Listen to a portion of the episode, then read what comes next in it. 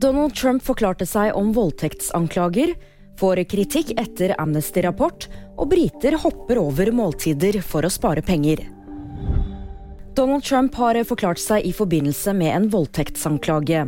Forfatteren i Jean Carroll sier den tidligere presidenten voldtok henne på 1990-tallet. Trump har blankt avvist anklagene og omtaler det som en bløff og en løgn. Utsagnene hans i utspørringen kan potensielt bli brukt som bevis i et sivilt søksmål. Utenriksminister Anniken Huitfeldt mottar kritikk for manglende handling overfor Qatar i forkant av fotball-VM. Kritikken kommer i forbindelse med at Amnesty har lagt frem en rapport om menneskerettighetssituasjonen i landet, melder NRK.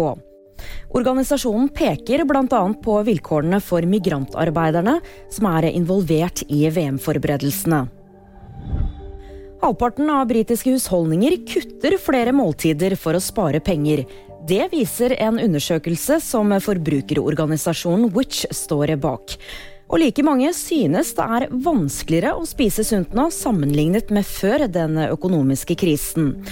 Det var VG nyheter, og de fikk du av meg, Julie Tran.